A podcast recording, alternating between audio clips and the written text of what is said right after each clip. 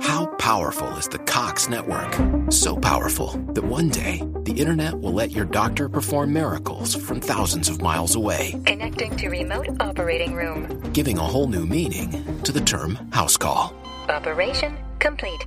The Cox network. With gig speeds everywhere, it's internet built for tomorrow, today. Cox, bringing us closer. In Cox serviceable areas, speeds vary and are not guaranteed. Cox terms apply, other restrictions may apply.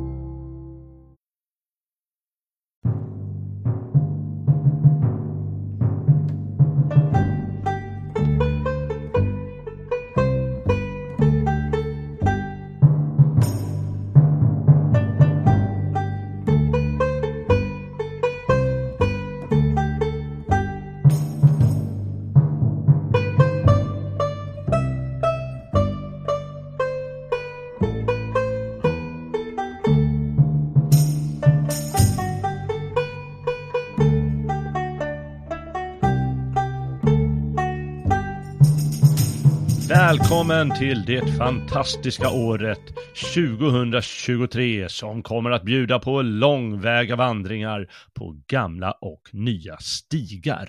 Vandringar som sträcker sig runt vårt underbara land Sverige och även runt den vackraste och frodigaste kontinenten i vår värld, Europa. Och vem vet, kanske någon utstickare till andra breddgrader på vårt jordklot. Fantastiskt är året, mest på grund av det stora jubileet. 500 år. Sverige som modern nationalstat skapades för 500 år sedan. Detta året alltså. I och med att Gustav Eriksson Vasa utsågs till kung av Sverige vid riksdagen i Strängnäs den 6 juni 1523. Det jubileet ska vi förstås hedra här på stigarna med återkommande vandringar i den stora hjältens fotspår. Gustav Erikssons fotspår förstås. Inte varje vecka, men emellanåt blir det avsnitt om den vidunderliga Götstav. Givetvis ska vi börja årets vandringar med Landsfadern, ett dubbelavsnitt som belyser Gustav Vasas äventyr och gärningar i största allmänhet. Idag vandrar vi med Gösta på vägen till Sverige som en fri nation. Och nästa vecka synar vi härskaren och nationsbyggaren Gustav på gott och ont. Ack Göta konungarike kan du betänka rätt Du Gud av himmelrike där du var förgäten släkt. Utvalde det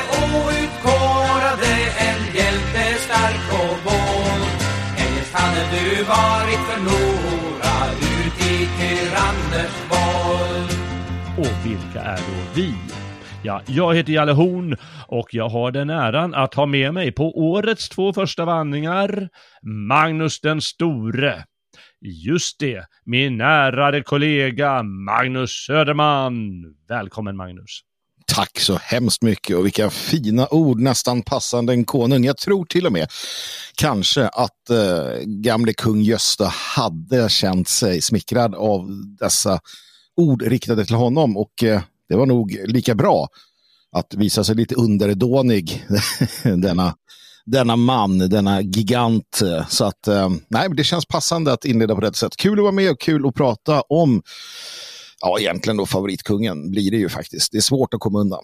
Ja, ja, det är svårt att komma undan. Man kan säga väldigt mycket om honom. Det är, man, man har äventyren som har givetvis broderats ut och eh, bara lagt till och man har fläskat på och man gjort det ena och det andra.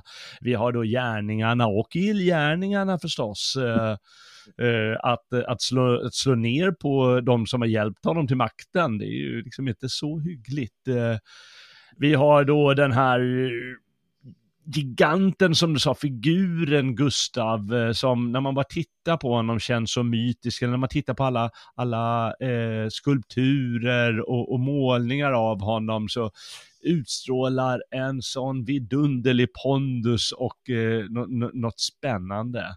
Mm, ta bara skägget, det här rakklippta, det här klassiska på var det 50, 50-lappen för eller? Ja, verkligen. Han, står, han sitter ju staty också i, är det, nu ska vi se vilket museum är det av alla nordiska? Nej. Ja, du. Något av dem i Stockholm så sitter det en staty i vestibul när man kommer in, en, en upphöjd och, och så. Som du säger, Ja. mycket kraftfull gestalt på alla sätt och vis. Ja, en stor staty i Uppsala också, vid slottet där. Just det. Kanske den Någonstans i Dalarna, antagligen i Mora, så det är den unga som Andersson har gjort. eh, Den Just unga det. Gustav när han är där och talar till folket. Och, det finns jättemånga sådana spännande, eh, som verkligen, jag vet inte, som, som har en särskild utstrålning eh, i alla fall, de här statyerna och bilderna. Men det finns även också många eh, pjäser och operor på 1700-talet. Eh, Gustav III skrev ju tillsammans med eh, Källgren, den tidens, eh, en av de största poeterna på den tiden, eh, librettot till eh, en opera som heter just Gustav Vasa. Mm. Jag tror jag började Ja. lyssna på den här sistens faktiskt när jag fick Ja. ett eh, nyvunnet eh, intresse för opera. Ja, lite roligt, jag hittade, eller jag tror inte jag hittade texten, det var så svårt att hitta den. Eh, vi har inte tagit hand om våra inhemska operor på det sättet. Det fanns någon gammal pdf från, jag vet inte, eh, projekt Runeberg eller någonting, oläslig. ja, ja, ja. ja. Lite synd va, men ehm, ja, lyssnar man ordentligt så, nej men den är, rekommenderas. Ja, verkligen. Eh, härlig musik eh, från eh, Mozarts tid. Mm. Och, men, men även så här ballader som skapades på 1500-talet. Eh, eh, efter, i efterdyningarna till eh, händelserna givetvis, och skrönor och för att inte tala om alla dispyter mellan historiker. Mm, mm. Som har kommit fram till det ena och det andra och tyckt det ena och det andra och menat det ena och det andra och så vidare. Men det är väl det också som är lite fascinerande att eh, eh, han, han står sig, om man tittar på just historikerskri- historierskrivningen så eh, är det ju på senare tid som man eh, har lyft eh, just de här andra aspekterna. Jag tycker att det gör hela historien mustig. En sån här Grimbergs konstant hyllning är Alltså den kan känna sitt syfte i nation, men det blir också tråkigt i längden. Um, och en, en, en sann historisk gigant kan axla också eh, det faktum att, att eh, han har sina later och att eh, han kanske inte var den schysstaste. Så jag, jag, jag tycker det är kul att, att eh, Gustav fortsätter att vara och ha den, den pondus eh, som han har idag, trots att, eh, eller kanske till och med tack vare den, den liksom, inte alternativa, men den, den fördjupande historieskrivningen som just lyfter den här eh, Ja, vissa säger tyrannen, andra säger maffiabossen. Mm. liksom, den delen av, av av honom, för den finns ju där utan tvekan. Ja, visst gör det. Jag menar, hallå, vilken kung är, är kung och en, en eh, ska säga, lyckad kung utan att vara hård i nyporna?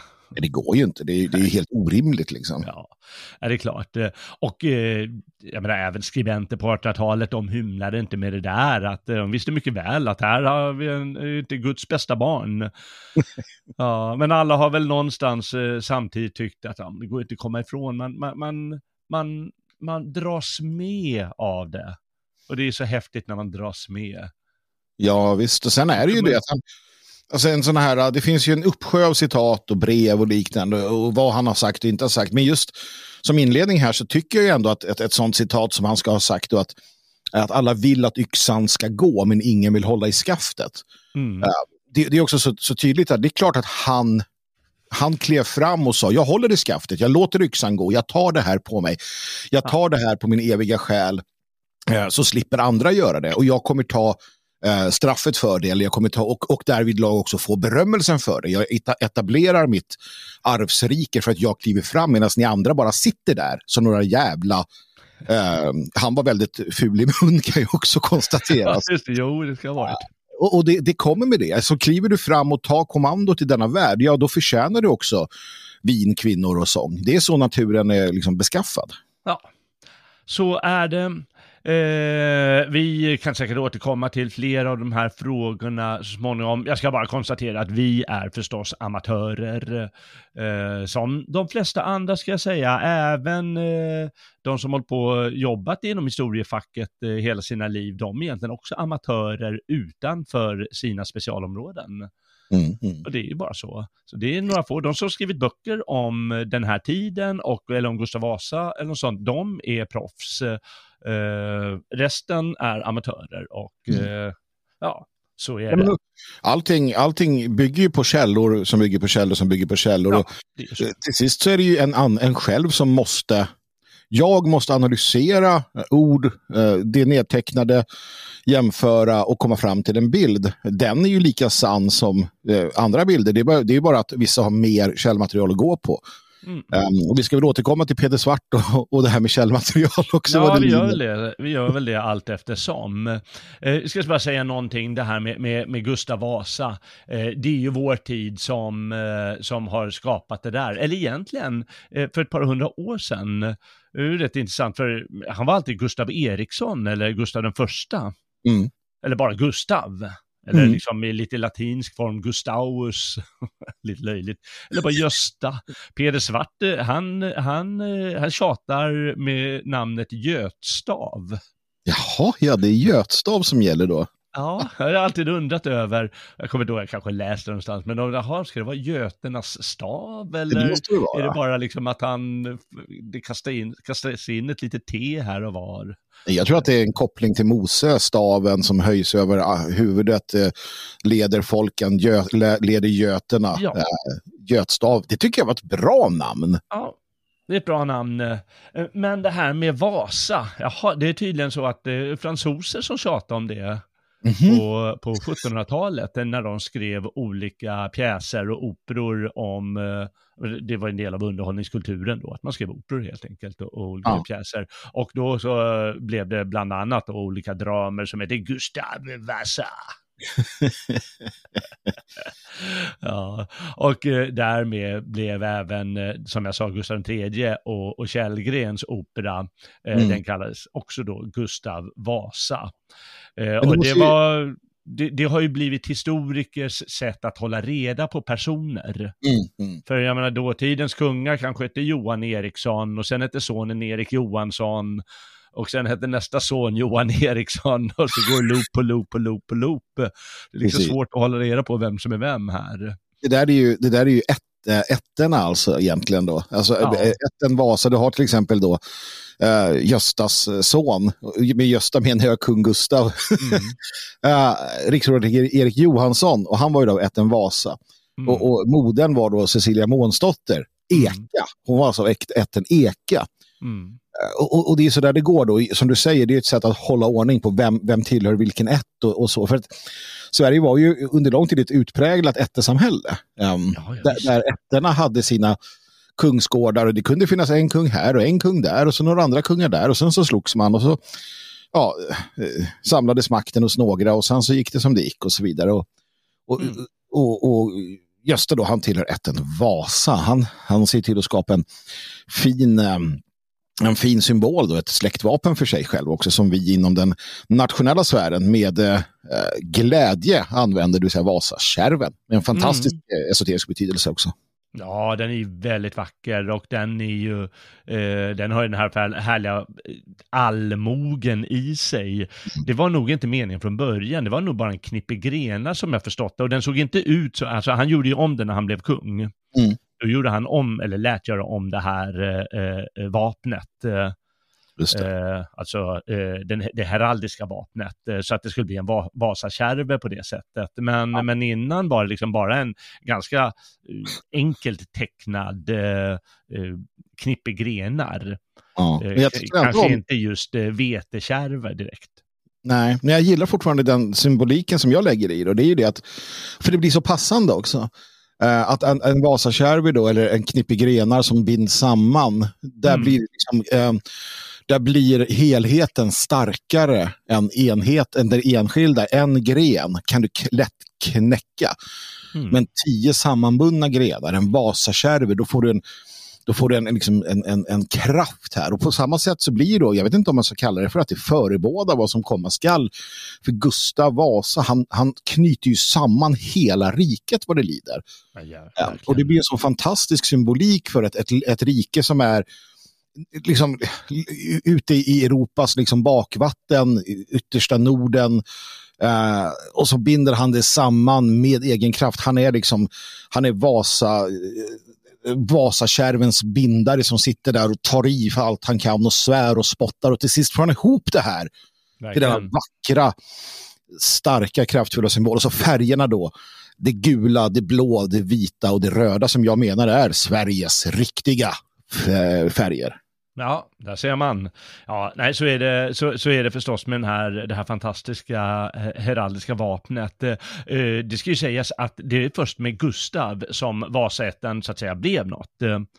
Eh, de var ganska okända och han var ju okänd när han sprang omkring och försökte värva folk till befrielsekriget. Eh, eh, hans ett, den, den var, åtminstone på, på faderns sida, den, den hade sina ägor i första hand i södra Uppland. I, i Vallentuna och Österåker blir det väl. Eh, de, de var lågfrälse då på 1300-talet, eh, så här lite väpnar, väpnar och liknande, men klättrade upp och blev riksrådsmedlemmar. Det var kanske inte så särskilt, men, eh, men ja, det blev väl det vanliga att de, de var med i, i riksrådet. och klättrade upp och blev då lite mer högfrälsenamn på 1400-talet. de, under alla de här krigen mot unionen på 1400-talet. Då tog de olika partier, som mm. de flesta, eh, vad heter det, eh, ätter på den tiden. Mm. Eh, ja, så man, man, ska inte döma dem eller klandra dem eller eh, tycka att de är särskilt bra. De är som alla andra släkter, fast lite mer lågmälda eftersom de inte är lika, lika stora och framgångsrika och kända och, och eh, rika då. Precis. Han har visst släktskap med Sten Sture då. Eh, jag vet inte om det är den äldre eller den yngre nu. Den yngre är ju inte en riktig Sture, han tog ju bara det namnet. Precis, det går ju att göra. Ja. Det går ju att göra det också här. Uh, nej, jag vet inte heller exakt släkt. Det, det är mycket, uh, det, det, det, är alltid svårt att hålla ordning på sånt där. Men som du säger där så, så släkten är ju inte helt, det finns ju, det finns ju jag vet inte om det är om, om Gösta själv eller om det är om fadern, men det finns ju en hel del Uh, alltså släkten var så pass att man, man, man, man, vågade, man vågade så att säga sätta den i lite löje ibland där. Det mm. finns nedtecknat då från eh, beskrivningar om hur man, hur man eh, liksom lite hånfullt omnämner de här. Jag vet inte om det är Gustav man menar eller någon i den här släkten då att den personen då måste ha varit en, ett onödigt svagt nummer inom sin ett sådär. Och, hans far? Ja, det är hans far då. Ah, att hans han räknas som lite bakom flötet eller något sånt. Ja, att han en simpel och enfaldig man. Just det, det är, det, det är pappan. Ja. Det finns ju en skröna hur han, han har hamnat utanför slottet eh, eh när eh, Kristian eh, den andre lärt eh, plötsligt då, mitt i alla festligheter, låsa alla portar. Just det. I Stockholm där. Ja. Och då var han utanför själva stan eller slottet eller vad som helst. Och då blev han så upprörd så stod och bankade, släpp in mig för guds skull. Släpp in mig! Och skrek och gasta och bankade till och sa, men släpp in den där för fan. Och några timmar senare miste han huvudet. Det är som någon form av, någon form av raskens på den tiden. Släpp in ja. mig Christian. ja, stackarn. Ja, ja, det är väl skrönor, men han ska tydligen inte varit eh, eh, den klyftigaste i stan, men eh, ja, ja, det, det, det, är väl en i mängden. Gustav själv, han föddes, man vet inte riktigt, men man tror ungefär 1496 och man brukar sätta 12 maj mm. som eh, födelsedatum. Och det är antingen då i Vallentuna eller Österåker. Det finns några olika Uh, ja, man, man, vet helt enkelt, utan man antar att det är antingen på något som heter Lindholmens gård, mm. gård uh, som i, i deras ägor, eller Rydboholms slott. Uh, och de ligger där uppe.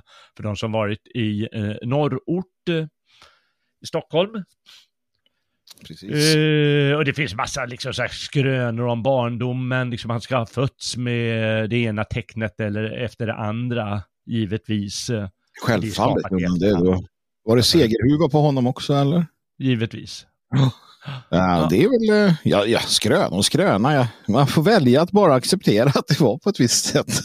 Ja, jag håller med dig. Jag håller med dig. Vissa föds med segerhuva och så är det bara. Mm. Ja, han lärde sig ju, pappan var ju tillräckligt, eh, han var liksom lite burdus och så, och lärde honom bedriva gods eh, som man ska va. Mm. Läxa upp eh, bönder och, och fogdar och allt vad man har under sig som ska göra det ena och det andra.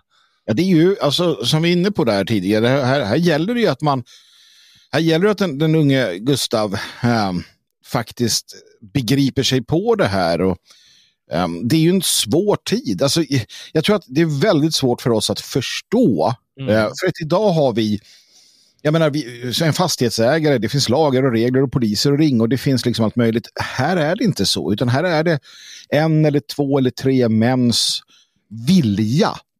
Du måste vilja och få andra att lyda ja. för att inte förlora allt. Och det är det, alltid, det som alltid står på spel för de här. Det är ju ätten. Det är mm. Liksom hela den, den eh, liksom allt som har byggts upp under århundraden står alltid mm. på spel. Och och där gäller det ju just att, att bli en, en klok och liksom, ja, vettig eh, husbonde. Ja, man måste veta hur man, ska, hur man ska få saker gjorda. En vän till mig, han berättade för inte så länge sedan att äh, när jag frågade oj vad tidigt du går och lägger dig, ah, jag måste sova alltså. Eh, mitt jobb består i att ta beslut mm. och delegera det här. Och om jag inte är klar i knoppen, då kan inte jag ta beslut. Det är bara Precis. så, det kan ingen. Nej. Utan det är en så enkel sak som att det enda du behöver göra det är att se till att du sover ordentligt, då kommer du kunna fatta beslut. Ehm, ja. Istället ja. för att vela som en annan, eh, som en annan nisse gör. och, ja, och antagligen, liksom, man, för, man, måste förstå att uh, han var ju en praktisk människa. Och det var ju mm. säkert väldigt bra när han väl började Eh, med nationsbygget. Eh, och det har han fått av sin enkla pappa som, som var lite enfaldig. Precis, men det är här också så intressant att förstå att här pratar vi om människor, alltså bildningsmässigt sett så är de ju, alltså våra barn vid 10-12 år är ju i, i mångt och mycket mer utbildade liksom än, än vad man är på den här tiden ja, i vissa ämnen såklart. Men det man har här är ju något helt mm. annat. Man har en, en praktisk färdighet. Jag, Gustav var inte så särskilt bra på latin. Det var väl någonting man skulle lära sig, men det sket väl han mm. fullständigt i. Men mm. han har förmågan och bygga en nation. Och det är det, alltså det här när folk ser upp på politiker och så här, tänk och de här politikerna, de vet ju vad de gör. Nej, men det är vanligt folk som inte vet särskilt mycket, utan det räcker med att du har den här hand, det här handhavandet så kan du bygga en nation. Alltså du kan, det är inte svårt att bygga en nation om du bara ja, eh, vågar liksom, han lär sig det på godset. Han lär sig att bygga ett gods, han lär sig att förvalta släkten och sen överför Gustav det till nationen. Ja. Det är inte svårare än så. Kan du ta hand om ditt hem, kan du bädda sängen och ta hand om ditt hem, då kan du ta hand om en nation. Du låter som Jordan Peterson. Ja, han säger ju självklarheter. Så att, uh... Ja, precis. men det är så. Det, det, det, det är så enkelt. Uh, så enkelt och enkelt, men, men så är det i alla fall. Han hade ju lite skolgång förstås i Uppsala. Ett par år brukar man tippa på mm. uh, Gustav, men det blev ju blandat med att lära sig lite, för han kunde ju lite latin och han kunde ju förstås ja. lite sån där bildning och allt vad man skulle kunna då. så var det ändå bråk med magistrar och det finns ju en skröna hur han ska ha dragit sin dolk genom skolboken boken eh, till magistern och sagt hej, jag tör giva dig och din skola tusen jävlar. och, och där kan vi bara konstatera att alla som bråkar över kaoset i svenska skolan, ja, en sån som Gustav Vasa, han var ju inte heller särskilt lydig. Och, och det Nej. där är inte, det är inte bara Gustav, vi har äh, liknande från äh, från till exempel Gustav den store som säger till sin lärare att liksom, Eh, gack din väg, ser du inte att jag är en herre? Du säger jag är kung, dra åt helvete, jag vill inte mm. lyssna på dig ditt trams. Just det. Eh, så att, eh, att, att vara lite obstinat i skolan, det, det har vi varit i 500 år minst. Då. Ja, precis. Och det passade honom nog bättre när han skickades iväg till Sten Stures hov såklart. Eh, eh, Gustav då, eh, där han lärde sig lite svensk historia och statskonst och danskhat inte minst. Det behöver man ju i de tiderna när man eh, kämpade eh, för att eh, göra uppror då mot unionen som styrdes av Danmark. Ja. lärde han främst av en kille som hette Hemmingard. Mm. Och givetvis fula tricks de här praktiska grejerna som behövs när man håller på med olika former av statskonst jag tänker att eh, de som har tittat på sånt som till exempel då uh, Game of Thrones och så. Uh, mm. Det finns ju sanningar i allt det här. Alltså ja, att det var ju ett väldigt, och, och, det är faktiskt överfört till politikens värld, det är ett smutsigt jävla spel. Um, och, och en, en, en hedersknyffel han eller hon passar egentligen inte in när det kommer till den typen av politik eller liknande.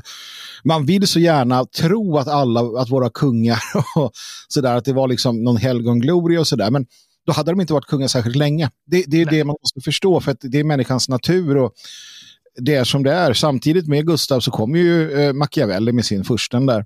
Mm. Ja. Jo, det är många som tror att han har tagit intryck, han läste själv, men han kan liksom läst eh, vad andra har läst eller hört vad andra har läst och tagit ja, till precis. sig. En som säkert eh, var insatt i, i den där eh, Machiavellis eh, stil i försten eh, och det är liksom att eh, staten till varje pris, mm. det spelar ingen roll vad det gör egentligen. Ja. Det är väl lite så kontentan av den. Det var ju förstås motståndaren, Kristian den andre, Christian Tyrann i Sverige och Christian den eh, gode, eller vad är det? Den heliga? Ja, den gode i Danmark. Eh. Ja, det, men det finns, det, det finns ju skäl till att han liksom. kallas så. Det är inte, menar, den gode är inte för hans eh, politik i Sverige, utan snarare han kallas det för sin politik i Danmark, ja. Christian.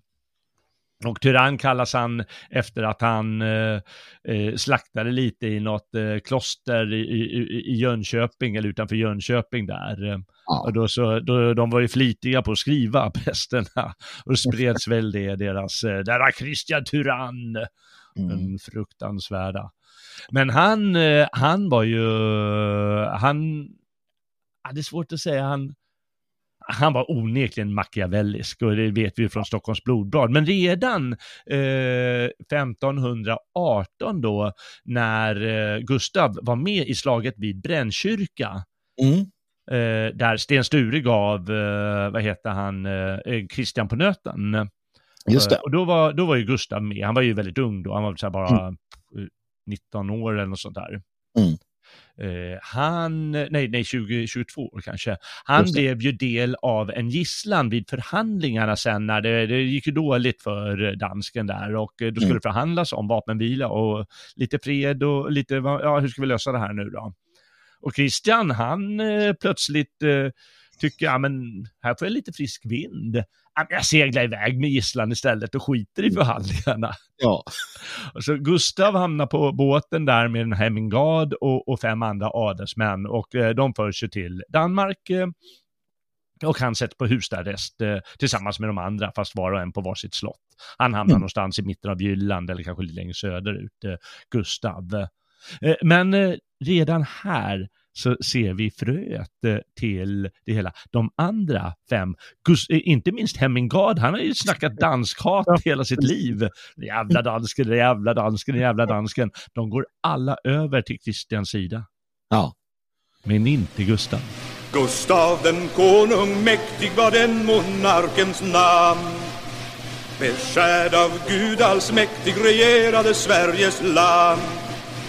Hans heliga ord till ära som lyser och skiner klar att alla svenskar lära prisa Gud uppenbar.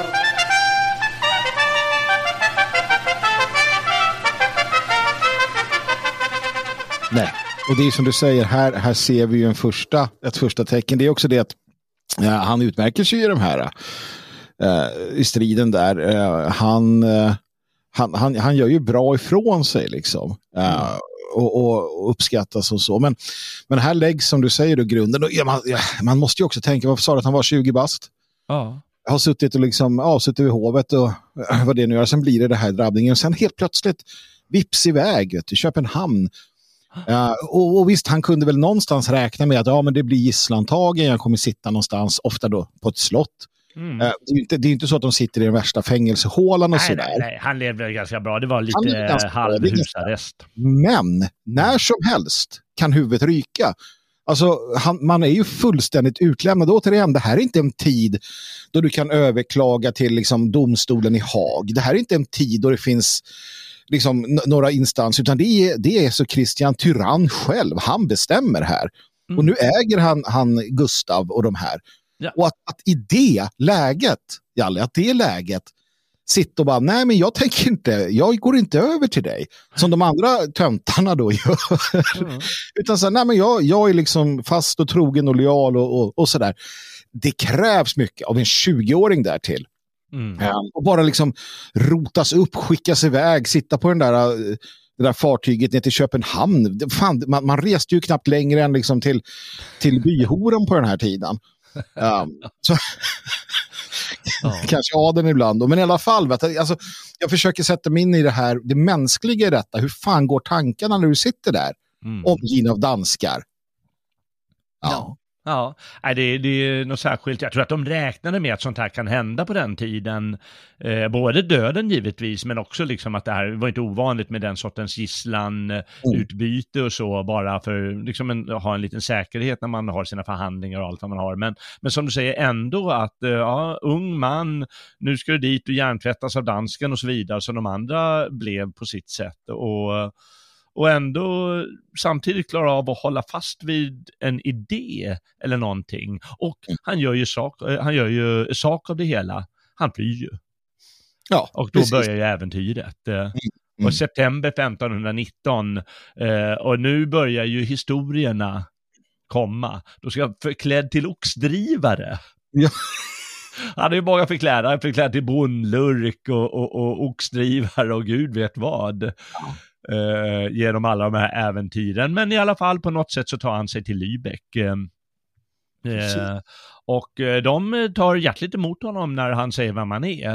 Eh, för Lübeckarna, det är ju ett de tillhör ju Hansan och det är handelsbolag och, och det, de går ju ut på att hela tiden söndra och härska.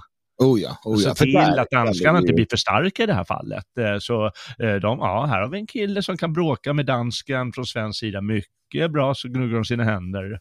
Mm. Det bästa man kan göra som, som affärsman är, är ju att, att se till att stötta lite här och lite där och mm. investera i, i de flesta sidorna så att man alltid eh, hamnar på toppen. Och, och, jag vet när, jag, när man växte upp och läste om det här, jag, jag tror jag fattade aldrig eh, Hansan och Libeckernas roll och sådär. Det, det var liksom någonstans, ja men det var kungarna och så. Men ju mer, man, ju mer man tittar på det, ju mer man förstår så inser man ju just hur de här bankhusen, det är inte bara här utan i Italien till exempel under eh, alltså de, de, svarta bankirerna och hela den här eh, samma sak med, med Rom och samma sak i, i eh, eh furstehusen i Europa och så här hur, hur just eh, pengarna och de som har suttit på de pengarna, hur de, hur de liksom härskar bakom kulissen. Och det där är ju intressant att göra eh, jämförelser idag när man när man liksom argar upp sig på politiker eller då, ja, ekvivalent med dåtidens kungar och så, när man inte ser då Hansan bakom så att säga. Mm, mm. Nej, det, är, det, det är onekligen så.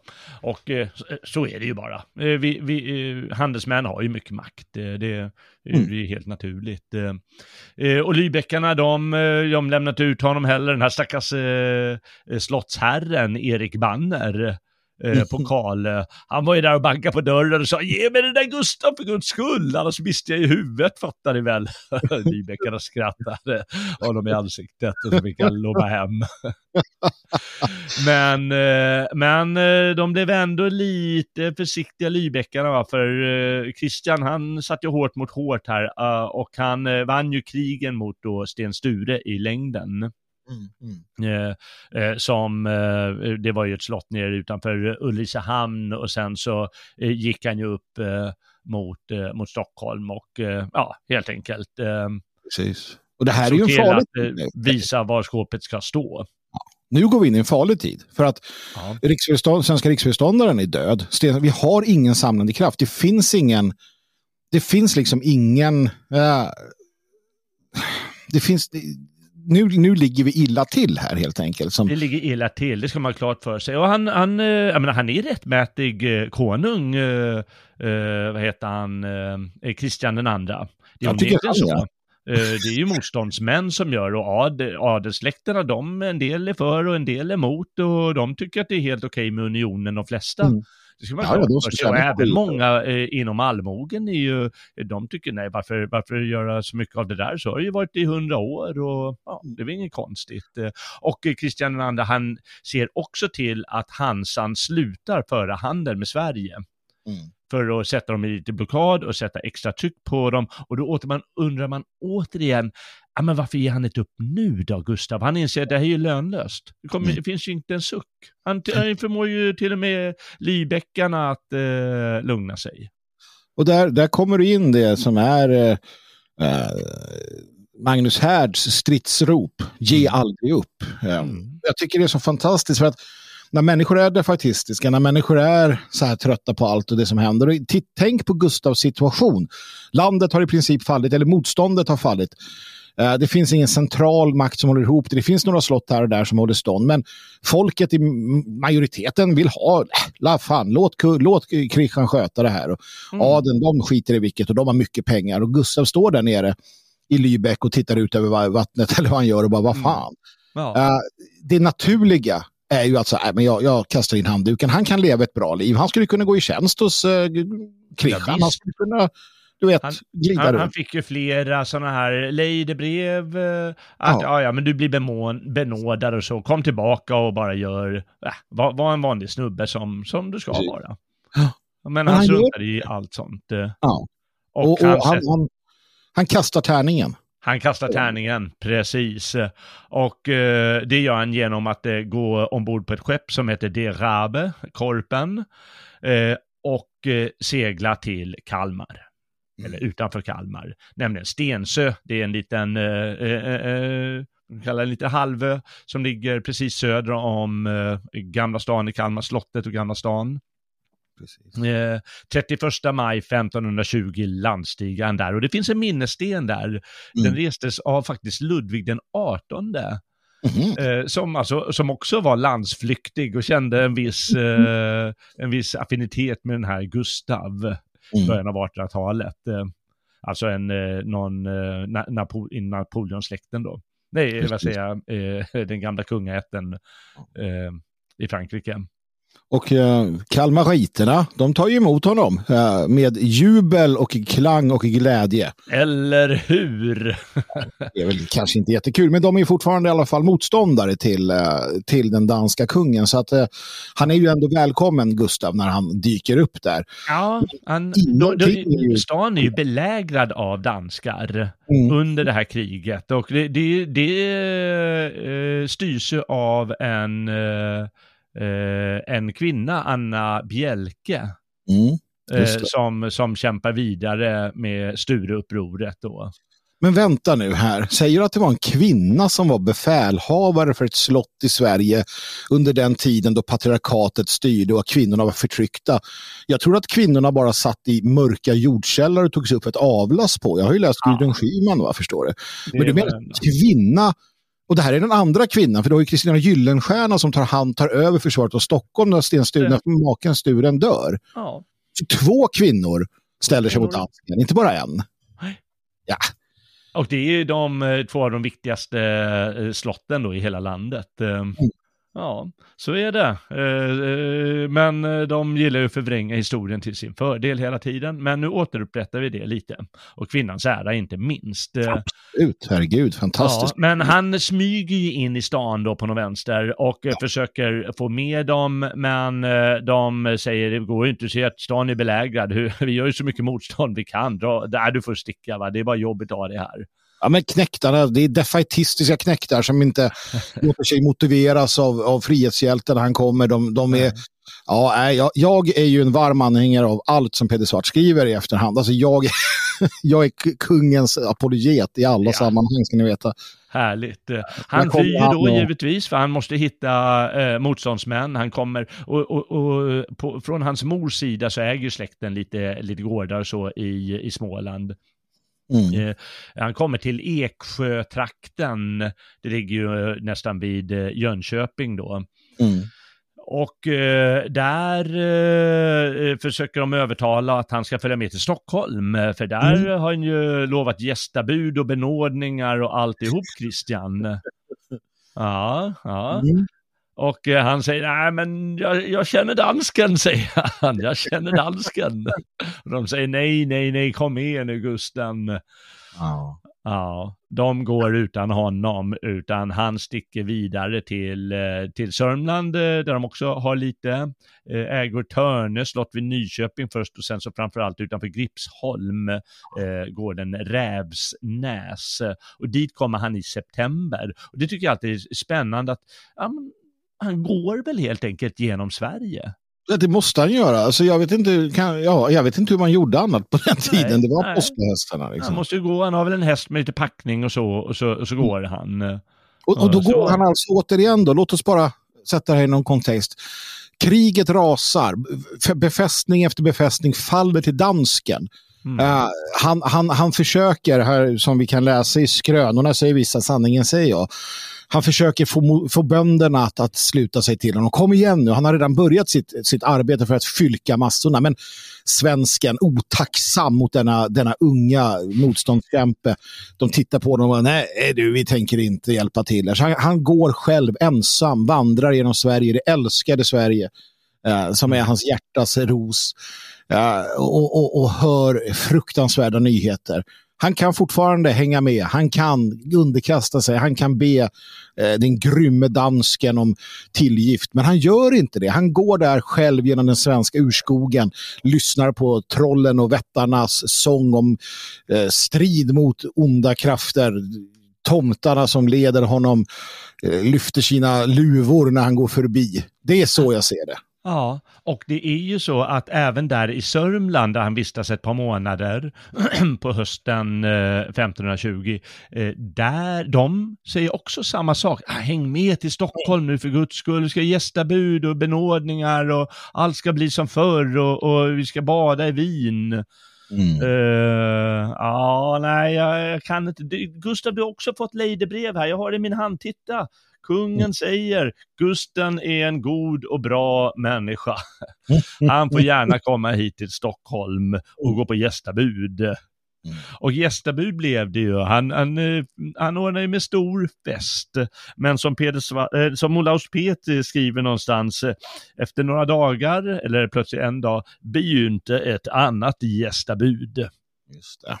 Just det. Och det är ju då Stockholms blodbad då uh, ungefär hundra adelsmän, bland annat uh, som sagt uh, Gustavs far. Mm. Uh, miste huvudet. Och inte nog med det, de brändes på bål som kättare. Mm. Vilket betyder att släkten är satt i bann mer eller mindre. Gustav är, satt i bann om han inte mm. benådas ordentligt här. Och Precis. hans, hela släktens gods och ägor dras in. Mm. Nu är han alltså utfattig. Nu har han, nu har han absolut ingenting. Nej. Och då, frågar, eh, då, då är frågan, har han lyssnat på Magnus Härd? ja, jag tror det. Eller så är det bara att han är en naturkraft. Jag tror att det är det. För att man skulle kunna säga, eh, om man vill, så här att ja, men nu hade han ingenting kvar, därför kämpar han vidare. Men det, det är inte sant, utan han har ju ingenting kvar för att han kämpade när han hade allt. Ja, just det. Det var ju det, han offrade. Han var ju beredd att offra allt. Han kunde ha gett sig i Danmark, han kunde ha gett sig under tiden i Lübeck. Han hade inte behövt kliva på eh, Korpen, han kunde ha gett sig till dansken i mm. Kalmar, han kunde ha eh, gett upp med eh, liksom, garnisonen där, han hade kunnat ge upp med andra, han hade kunnat skippa det här. Han kunde mm. åkt till gästabudet. Mm. Nej, sa han. Nej. Jag gör inte det. det. Det, är ju helt, eh, det här är ju ja, fantastiskt. Det är ju det som är häftigt med honom, att det, det, det finns en, någon form av spännande, nästan en Hollywood-hjälte där mm. Mm. på svensk mark som, som hela tiden med, med, med, med bilan över huvudet eh, kämpar vidare eller strävar vidare. Och han, han, eh, han hade en idé här. För den gamle Hemmingard, han har lärt honom en sak. Eh, nämligen dansken, juten, tysken och djävulen. Alla rädes Dalasocken. Så är det. Så är det. Så om du behöver hjälp någon gång, då stick upp till Dalarna och fråga gamla goa killar där om hjälp. Och det gjorde han. Han eh, stövlade, han satte på sig stövlarna och stövlade upp mot Dalarna. Mm. Helt enkelt. Eh, och eh, han kom dit i december till södra Dalarna. Eh, först, och det finns ju jättemånga äventyr och här är det ju väldigt utbroderat. Och det är inte bara Peder Svart utan det, det, det är scener, det är hans söner och det är en massa, eh, vad ska man säga, ljugarbänkskärringar eh, mm, som sitter och mm. ljuger ihop en massa historier till höger ja. och vänster. Och så har det liksom satt sig och så finns det massa historier. Och vissa, grunden stämmer ju, men eh, det är en del som är påhittat. Eh. Och man får ta men det är samma sak här också, de otacksamma, De otacksamma dalkararna och dalkvinnorna, de hjälper honom förvisso. Mm. I många fall, men i andra fall så finns det ju annat där. Men han, han, han, det är ju ingen enkel tid där heller. Han är jagad av knäktarna. Och, och som sagt, den här otacksamheten. Och det här är ju någonting som kommer följa eh, kung Gustav Vasa genom hela sitt liv. Alltså, han har en aversion mot sitt eget folk. För att han känner ofta, han återkommer ofta till att de är så jävla otacksamma. Just det. Svensken är otacksam mot honom. Och, och ja, det, det, jag kan ibland känna att eh, han har rätt, det är ett jävla otacksamt folk ibland det här. Ja, verkligen. Det händer ju mycket. Han låtsas ju vara dräng på ett ställe eh, Mm. för att liksom känna av känningarna lite. Det är säkert påhittat, men, eh, men då, då ska de ha sett lite silver där under skjortan och insett att här är, oj, oj, det är nog, det är nog den där Gusten, vet du, skickar de iväg honom och på ett ställe brister isen när han ska gå över. Ska se det, jag har lite, lite uppskrivet på ett annat ställe här. här. Tänkte så Götstav geve sig till Aron Pedersson på Ornäs. När han om ena natt lopp över Färjestaden mellan Vika och Torsång var isen så klen att han kom ned in under båda armarna. Dock halp Gud att han kom väl där upp igen. Han hade Gud på sin sida i alla fall. Och han, då ska han värmt sig hos färgkaren. Jag tycker, eh, om vi bara stannar lite där, att, eh, att eh, undrar hur mycket som är liksom utbroderat, jag tror inte så mycket utbroderat av honom själv, för han, varför skulle han vilja framstå som en liten dräng eller en som eh, inte klarar av att gå över en is eller något sånt? Nej, det tror inte jag heller. Så, Absolut så det inte. kan ha hänt sådana här grejer. Ja, ja, det tror jag. Alltså, tänk dig själv, du är ute och går och du flyr under... Det är klart att mycket konstigt händer på vägen. Mm. Ja, så att det tror jag nog är sant. Jag menar, det, Ja. det, att, han, att han skulle till exempel varit dräng, eh, låtsats vara dräng och så, det, det, det tror jag säkert. Titta på Gråkappan sen som eh, liksom vandrar genom li- riket anonymt för att höra vad som händer. Det är klart att om du som eh, liksom motståndsman, du ska starta ett uppror mot, mot staten här, kungen, Ja. det är klart att du, att du sonderar trängen Ja. genom att lyssna på vad kärringen och gubarna säger. Alltså, det är Precis. konstigt. Sen så, enligt enligt eh, myten då, så var han ju så jävla dålig på att jobba så de fattade misstanke mot honom. Ja, du kan ju Exakt, tänka, ja. men herreman, du vet, han har ju inte skyfflat skit. Ja, på det sättet. verkligen inte. Det var en värdelös dräng. Men, men sannast av alla historier är givetvis när han är hos den här Arendt. Eh, men eh, då vill ju, han går ju och skvallrar gubben lite, eller hör sig för lite, hur ska vi göra? Vi har ju Gusten där hemma. Ja. Eh, och då vill ju fogden gripa honom, men då ska ju Arens kona ha skickat honom genom dasset. Eh, Mm. så att han kunde fly den vägen och sen så förberett test och släde till honom så att han kunde åka norrut. Det är ju ändå sanningen.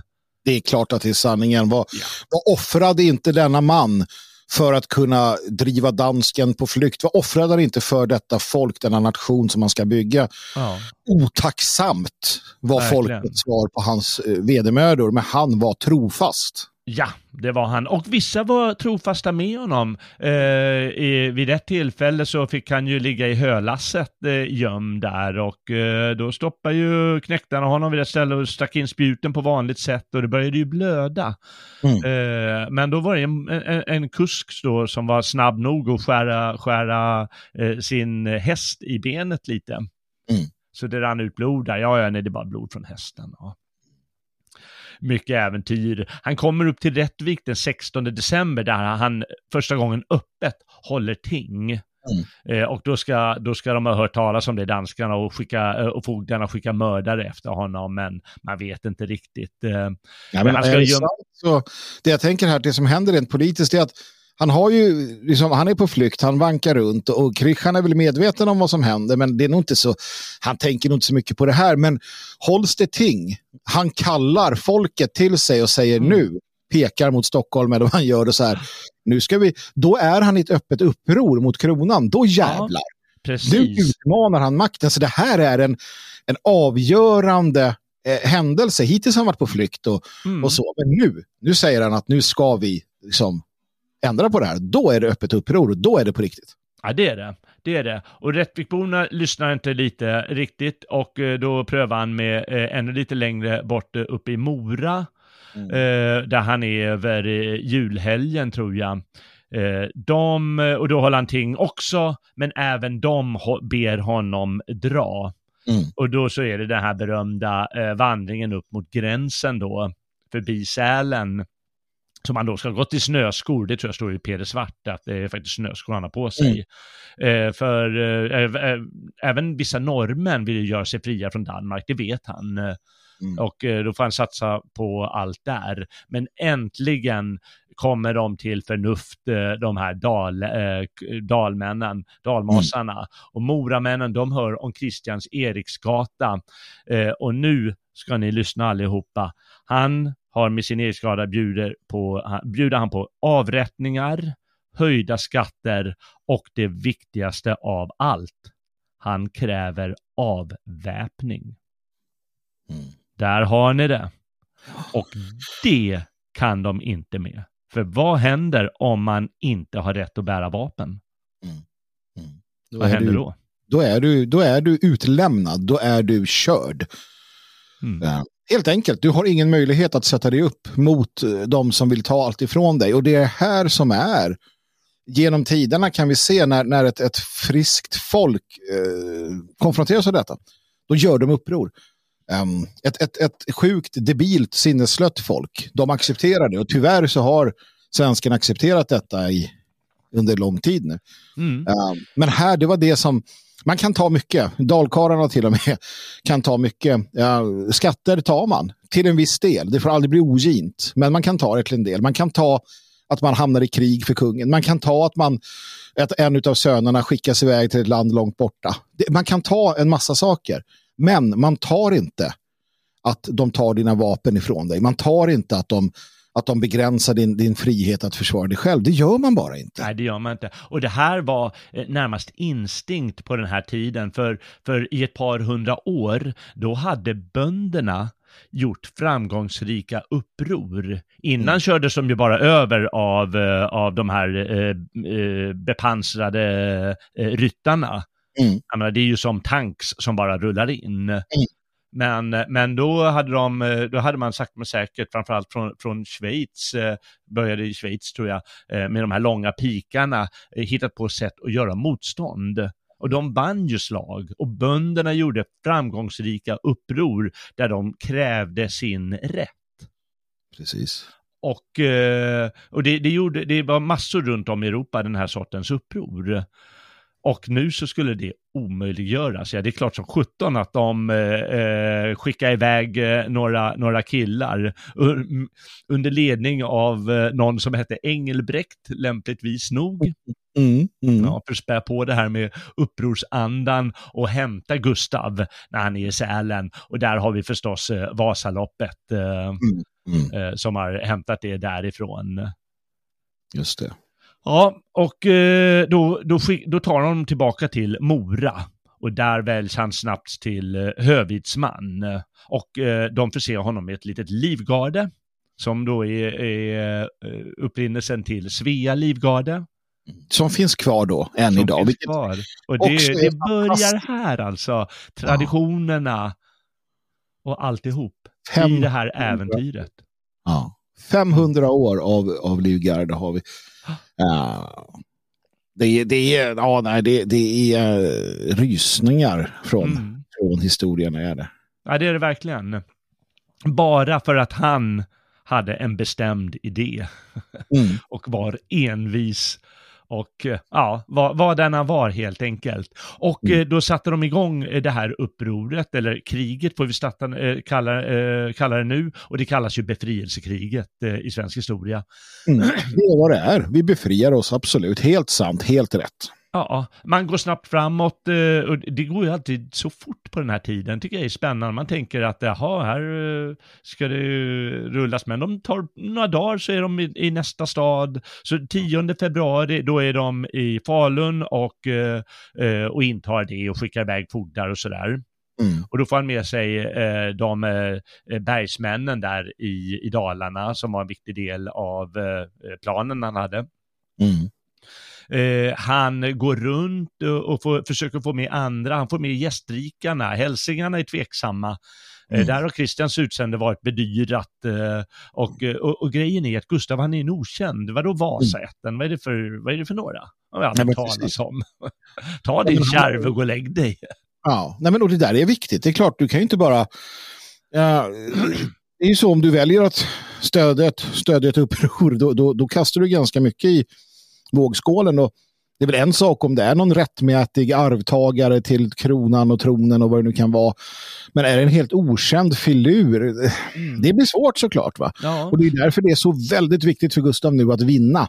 Att Ja, vinna striderna och att, att få fler på sin sida. För till sist då, så, så måste du... Ja, men det är lite grann, alltså, han, han, han är inne i en sån winning streak. Eh, och, och hade någonting hänt här? Alltså, det är också det när man tittar på det i, i sammanhanget. Alltså, hur, skört det är. Hade det, hade det tagit stopp någonstans, då hade nog hela, hela, liksom, r, hela revolten bara pyst ut som en ballong. Självklart, det hänger mycket på huvudfiguren och han visste kanske det eh, någonstans. För Mm. till skillnad till exempel från Sten Sture och en del andra så var inte han i händelserna, han, såg inte i första led, det kan jag lova Nej. dig. Utan nej. han styrde lite där bakom. Han var Ja. inte ens med vid det första, eh, det som brukar kallas första slaget eh, i befrielsekriget, det vid Brunbäcksfärja och det ligger väl eh, nära Avesta eh, i södra Dalarna, eh, på gränsen Västmanland. Och eh, där eh, har då, Christian har nu lämnat Stockholm för han har fullt upp i Danmark eh, och lämnat det åt en som heter Didrik Slaghäck. Eh, skönt namn, Didrik Slag. Ja, Slaghäck. Precis. Och han, han skyndar ju upp mot Dalarna för han inser att det här eh, det kan börja, lukta lite det där. eh, eh, Så det är bäst att gå ner och slå ner bondläpparna lite. Mm. Och eh, tar sina eh, liksom, riktiga krigare, råbarkade krigare och skickar upp. Men de får på nöten av, eh, av de här dalmasarna. Mm.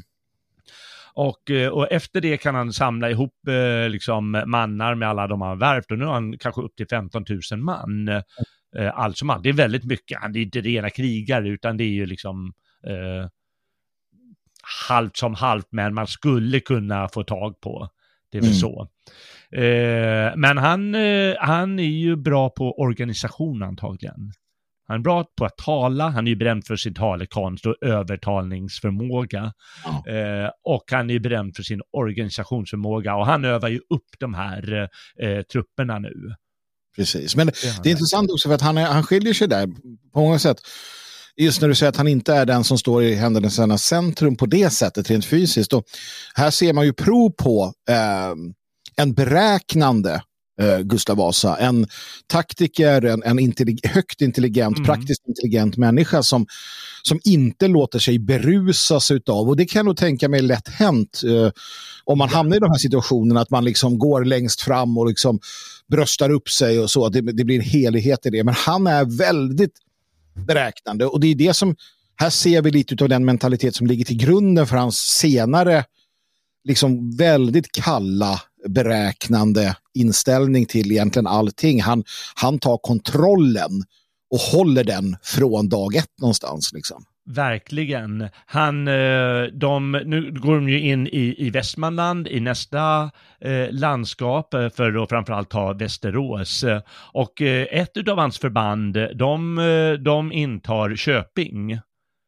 Och eh, du vet hur när man, när man har vunnit en strid, då, då rullar man fram ölkaren Så är det. och super sig full, så, så är det och så har det alltid varit. Och de var så segerrusiga, de här eh, mannarna, några hundra mannar, att de söp sig fulla och de tyckte, ah, vad fan, behöver inte sätta ut vakter.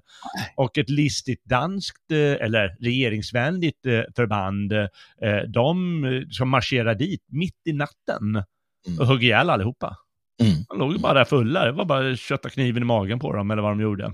Precis, där ser vi alkoholens, eh, alkoholens skadeverkningar återigen. Men, Ja. eh, mm, Och, eh, och faktum är att när det väl blev slag i Västerås, eh, det var 29 april har vi kommit till nu, Mm. Eh, då segrar eh, Gustavs folk igen eh, mot den här Didrik Schleihek och hans trupper. Danskarna försöker sätta eld på staden för att liksom skapa kaos och alltihop Mm. när de drar sig tillbaka och förskansar sig.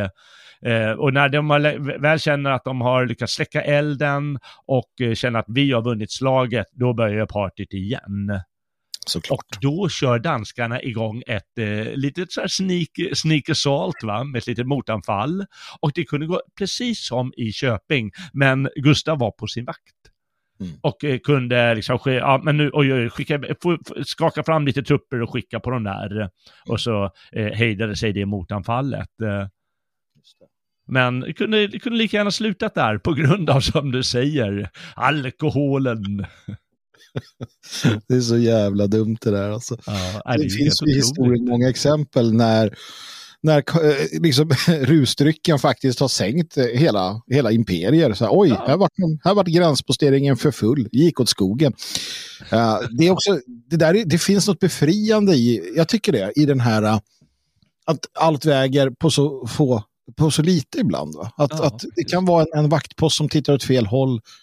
Eller Mm. eh, någon som tar sig en sup för mycket. Och så faller allt. Va? Alltså så mycket som ska passa in. Och det är också värt att komma ihåg i, tycker jag, ett större perspektiv. För att våra motståndare idag, som jag ser dem, globalisterna, för att de ska lyckas upprätthålla sitt välde så krävs det att det är så mycket som hela tiden ska gå rätt. Va? Ja, det är det. Och, Och det, det kan falla sådär, som du Precis. säger. Det räcker med att någon bara snubblar till och Ja. någonting händer så bara brump faller För det allting. Är här hela bara- tiden, det är ju hela tiden eh, saker som ja, man glömmer bort händer eller som, ja, jaha, oj, ja just det, oj, måste vi räkna med det nu? Och det skedde, det skedde här också, höll på att hända än en gång här. Efter att de tagit Västerås här, staden ger slutligt upp eh, 20 maj och nu är faktiskt alla landsändar med i upproret. Liksom, i- I Småland hade det börjat samtidigt som eh, Gustav Vasa var uppe i Dalarna. Då Mm. hade de börjat göra uppror i Småland, för smålänningar är ändå smålänningar. det är de. Ja, det är de. De, eh, de, de gillar, ja, de, de, nej, de är vad de är, de är lite sturska och sådär va. Ja. Och eh, i Värmland och Västergötland så småningom också hade de liksom hört vad som håller på att hända och, och börjat göra sina små motstånd. Och eh, eh, vad heter han, Gustav, han fortsätter med sina trupper och intar Uppsala. Mm. Och eh, nu är vi i maj. Och eh, bönderna kan ju inte vara, de kan inte vara och kriga hela tiden. Nu kommer de viktiga sysslorna för dem. De måste hem till sina Ja. åkrar. Ja. Och det gör de också. De, Ja. ja, ja, ja varsågod stick hem. Och Gustav han sitter där uppe i Uppsala och inser, fan jag har inga trupper här. Och det inser ju även, eh, vad heter, eh, eh, dan, dansk, eh, dansken också. Och de skickar ju upp, eller de danska allierade i alla fall, de skickar ju dit trupper. Upp till Uppsala och plockar den där jäkla Gösta nu, eh, nu när han inte har några, några sturska dalmasar som försvarar honom. Och då får han återigen, i, i, inte sista sekunden, men oj, oj, oj, jäklar. Nu får vi skaka fram några mannar och, och, och sätta stopp för det där. Ja.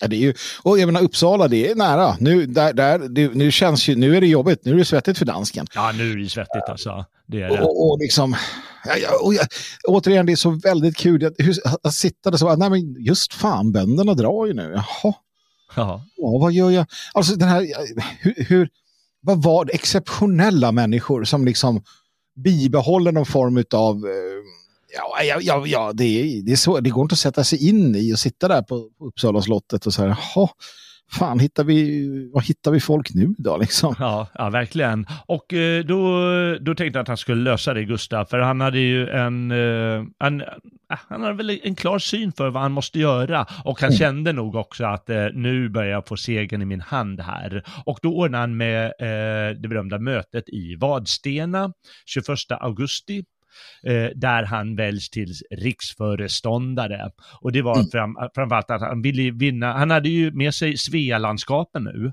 Mm. Eh, och då ville han vinna Götalandskapen till sig också. Eh, de hade ju kämpat på egen hand mot Kristian, men han vill liksom ha dem liksom alla samlade som din vetekärve. Mm. Och, eh, och även högadeln, och de flesta inom högadeln, de eh, var ju fortfarande unionsanhängare. Det, Mm. Ja, eh, så var det. Jag kan Och- tänka mig du vet, att, man, att de sitter där och bara, vem, den här jävla Gösta, liksom, vad fan är han? Kommer där liksom med sin debila farsgubben som knackar på. Vad är det för släkt? Va? Ska vi underställa oss honom när vi har Christian? Ja. Det var nog inte helt lätt. Och, Nej, och navigera rätt. Nej, nej verkligen. Och de trodde väl säkert att ja, men i slutändan eh, så, så kommer eh, de riktiga trupperna och, och professionella trupperna, de gör slut på de här låtsasarméerna som man kommer dragandes med när Gustav. Ja.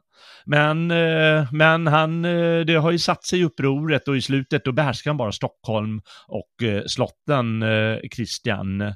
Och, och vintern 21-22, då, då är Stockholm inringat och alla slotten är belägrade. Men då återigen det här, det klarar inte bönderna av. Det krävs professionella belägringssoldater och befäl givetvis. eh, eh, Sånt, eh, sånt arbete. Det, det är alltså omöjligt. Det, det krävs eh, otroligt mycket och det krävs, flotta måste han också ha, för den danska, de, de äger havet, dan, danskarna. Och Mm. de, har ju, de inför blockad mot Sverige och det gör ju susen ganska Just fort. Eh, Det är ju handelsmän, de här dalmasarna, de är handelsmän, de vill ha ut sina produkter. ja. Ut, och om, om de inte kan skeppas iväg, ja, då, då börjar de också muttra, "Ja, men den där Gösta, vet du fan om han var ett säkert kort alltså. Mm. Nej, absolut. Eh, och då måste han köpa hjälp och då vänder han sig till Lübeck igen då, Gustav. Och eh, köper sig lite flotta och belägringssoldaterna. Eh, de, de är villiga att göra det, de är samtidigt lite luriga och, och halvhjälte danskarna och lå- låter deras befälhavare, eh, eller eh, flottba, eh, flottgubbe i alla fall, eh, Sören Norby, han eh, låter dem slinka igenom så att han kan eh, ställa till förtret för svensken framöver. Hundra, söndra och härska. Evigt krig är bäst för eh, börsen, eh, penga, pengabörsen hos eh, Lybeckarna. Ja, tänk på det eh, med kriget i Ukraina. Exakt så är det. I alla fall, eh, Lybeckarna, de, eh, ja, de, de krigar ändå mot danskarna, det blir, så det blir allt svårare och, och egentligen så faller eh, all, även de södra landskapen och stora delar av Norge Mm. liksom väldigt risigt till. Och eh, till slut så inser Christian att det är kört det här. Och han flyr landet eh, eh, i, i april 1523. Och eh, då, då dröjer det inte länge, det är rätt spännande, den här Sören Norby, han är i Kalmar, eh, det var tydligen också då hölls av eh, Christianvänliga trupper. Eh, där ska han ha sagt, ja men lämna några knektar och, eh, och skär halsen av kalmariterna bara. Ja. Och då, då insåg kalmariterna, jaha, men du, vi kanske ska byta sida. Ja.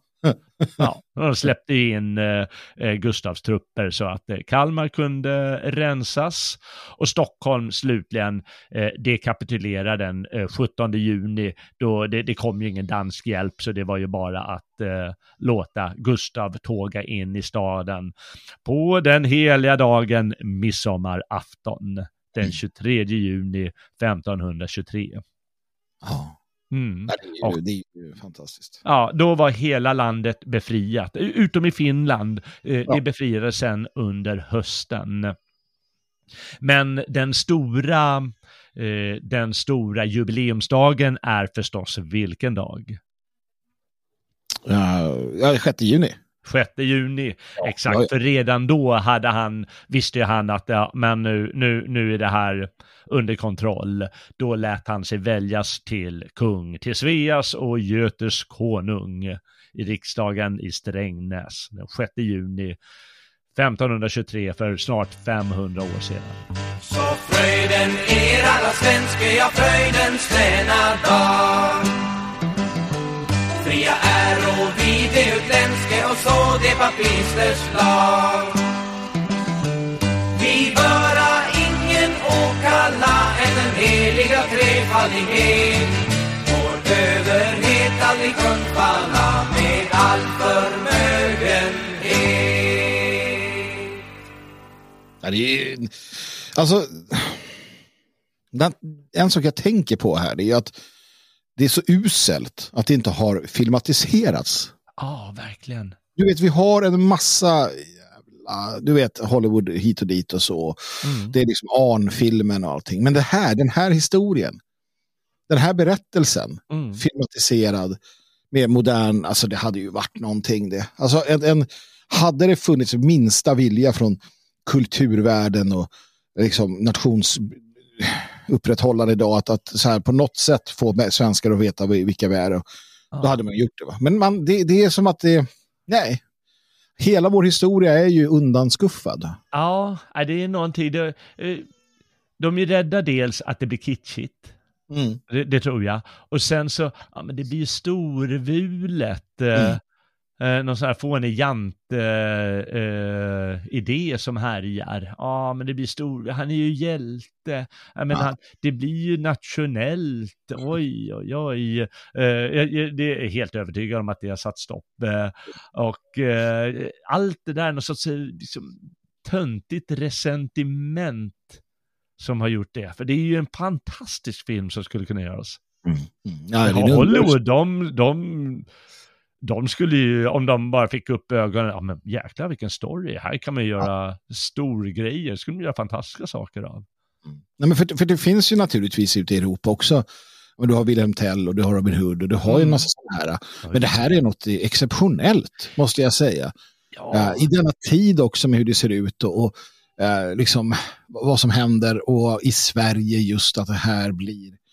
Um, Ja, nej, menar, det, det, det, det är ju en av eh, världens äldsta nationer som, som så att säga grundas här. Visst, Ja. jag menar Sverige var ju en, ett land på sätt och vis innan också. Jag menar, det var ju Danmark och Norge och Sverige och eviga käbbel eh, dem emellan, eh, både under unionen och före unionen och alla la sig i varandras business till höger och vänster och så vidare. Mm. Eh, men, men nu stabiliseras det och liksom skapas en svensk stat när han gör sig eh, fri från det de, det de såg som ett unionsok. Eh, Mm. och det var ju en del av Christians plan, att eh, Mm. ja, men nu ska Köpenhamn, det ska bli centrum för handeln på Lübecks och Sveriges bekostnad och eh, vi ska bli störst och därmed måste Sverige, de måste lyda så att säga och skatterna måste höjas och, och det ena och det andra. De gör sig fria från det här unionsoket och blir en egen nation på allvar som sen som, i historien liksom sträcker sig fram ända in i vår tid och får sin höjdpunkt då på 1600-talet eh, och är med om alla möjliga äventyr. Mm. Det är fantastiskt, liksom en av världens äldsta länder. nej, så är det. Och det här är en historia som eh, som vi är glada att kunna eh, dela med oss av här. Vi skrapar ju på ytan och jag, jag måste eh, personligen, jag vill rekommendera ehm, faktiskt i sammanhanget en sån som Herman Lindqvist, eh, hans berättelser om, om Gustav Vasa i, i, i historien om Sverige. För att han vågar eh, Mm. behandla historien som en historia, inte Ja. bara som en, en, en liksom, eh, faktabaserad ditten och datten, utan han vågar, han vågar vara lite yvig och en sån som Gustav Vasa förtjänar det, Mm. tycker jag. Ja. Och den, den, den delen av vår historia. Så att, det finns så fantastiskt mycket att... att eh, ehm, och det här är ju bara första delen av hans... eh, liksom det här är naturligtvis för oss, det är ju spännande, det, det är de här äventyren och allting. Men sen kommer ju då eh, nationsbygget och, att, att få ordning på allting. Och det är ju i sig en, en, en, en, lika spännande historia. Ja, det är det ju verkligen. Och det ska vi följa upp, eh, följa upp i eh, nästa avsnitt, eh, är planen. Mm. Får vi väl se hur det blir, men, men vi, vi, vi måste i alla fall konstatera att det här är ju ett äventyr utan dess like och eh, det ska vi vara jäkligt stolta över, vi svenskar, att vi, att vi har haft en sån här, en sån här man i, i, i 20-årsåldern som med, med bara bestämt sinne, okej, jag gör det här, det får bära eller brista, nu gör jag. Mot, jag. Allt kan vara mot mig, jag kör bara vidare. Mm. Och lyckas. Inspireras av detta. Ja. Ja. Nej, vi säger väl, det är väl bäst att sluta när det är som bäst, eller hur Magnus? Ja, men det är ju det, så att, eh, det tycker jag vi gör. Ja. Ja, Jag får tacka dig för eh, din medverkan idag. Det var, ja, det var härligt, eh, härligt att ha dig med på det här äventyret. Ja, tack själv. Man, man känner sig lite som en, en liten, eh, blott obetydlig men ändå del av den stora sagan om Gustav Vasa att få vara med att, att föra detta vidare i den här formen. Eh, gamla nya stigar. Ja, det, det, vi gör vårt för att det här inte ska falla i glömska. Tack Magnus.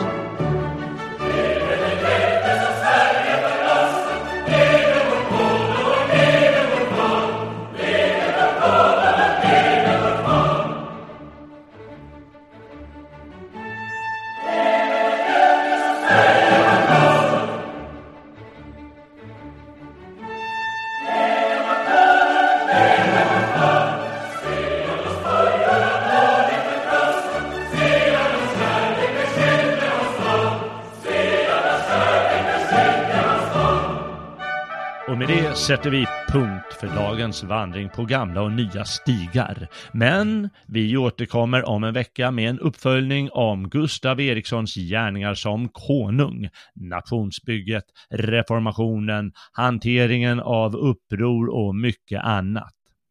Gillar du vad du har hört? Ja, du vet väl att du kan stödja Radio Svegots verksamhet genom att vara stödprenumerant eller donera till oss. Många av våra program är fria att lyssna på för var och en, men stödprenumeranter får särskild tillgång till våra dagliga sändningar. Gå in på svegot.se och klicka på donera eller stödprenumerant om du vill bidra till vår verksamhet och ta del av alla våra program. Sprid också gärna det här programmet bland vänner och bekanta på sociala medier och annorstädes där du finner det lämpligt alla svenskar behöver detta jubileumsår en underhållande historielektion om landsfadern Gustav Vasa, mannen som förde Sverige till en fri nation. Och till slut, glöm inte att dra på vandringsskorna, eller kanske snöskorna som den unge Gustav, nästa vecka för vår andra vandring i Gustav Vasas spår, i fäders fotspår som de säger i Vasaloppet. Väl mött frände.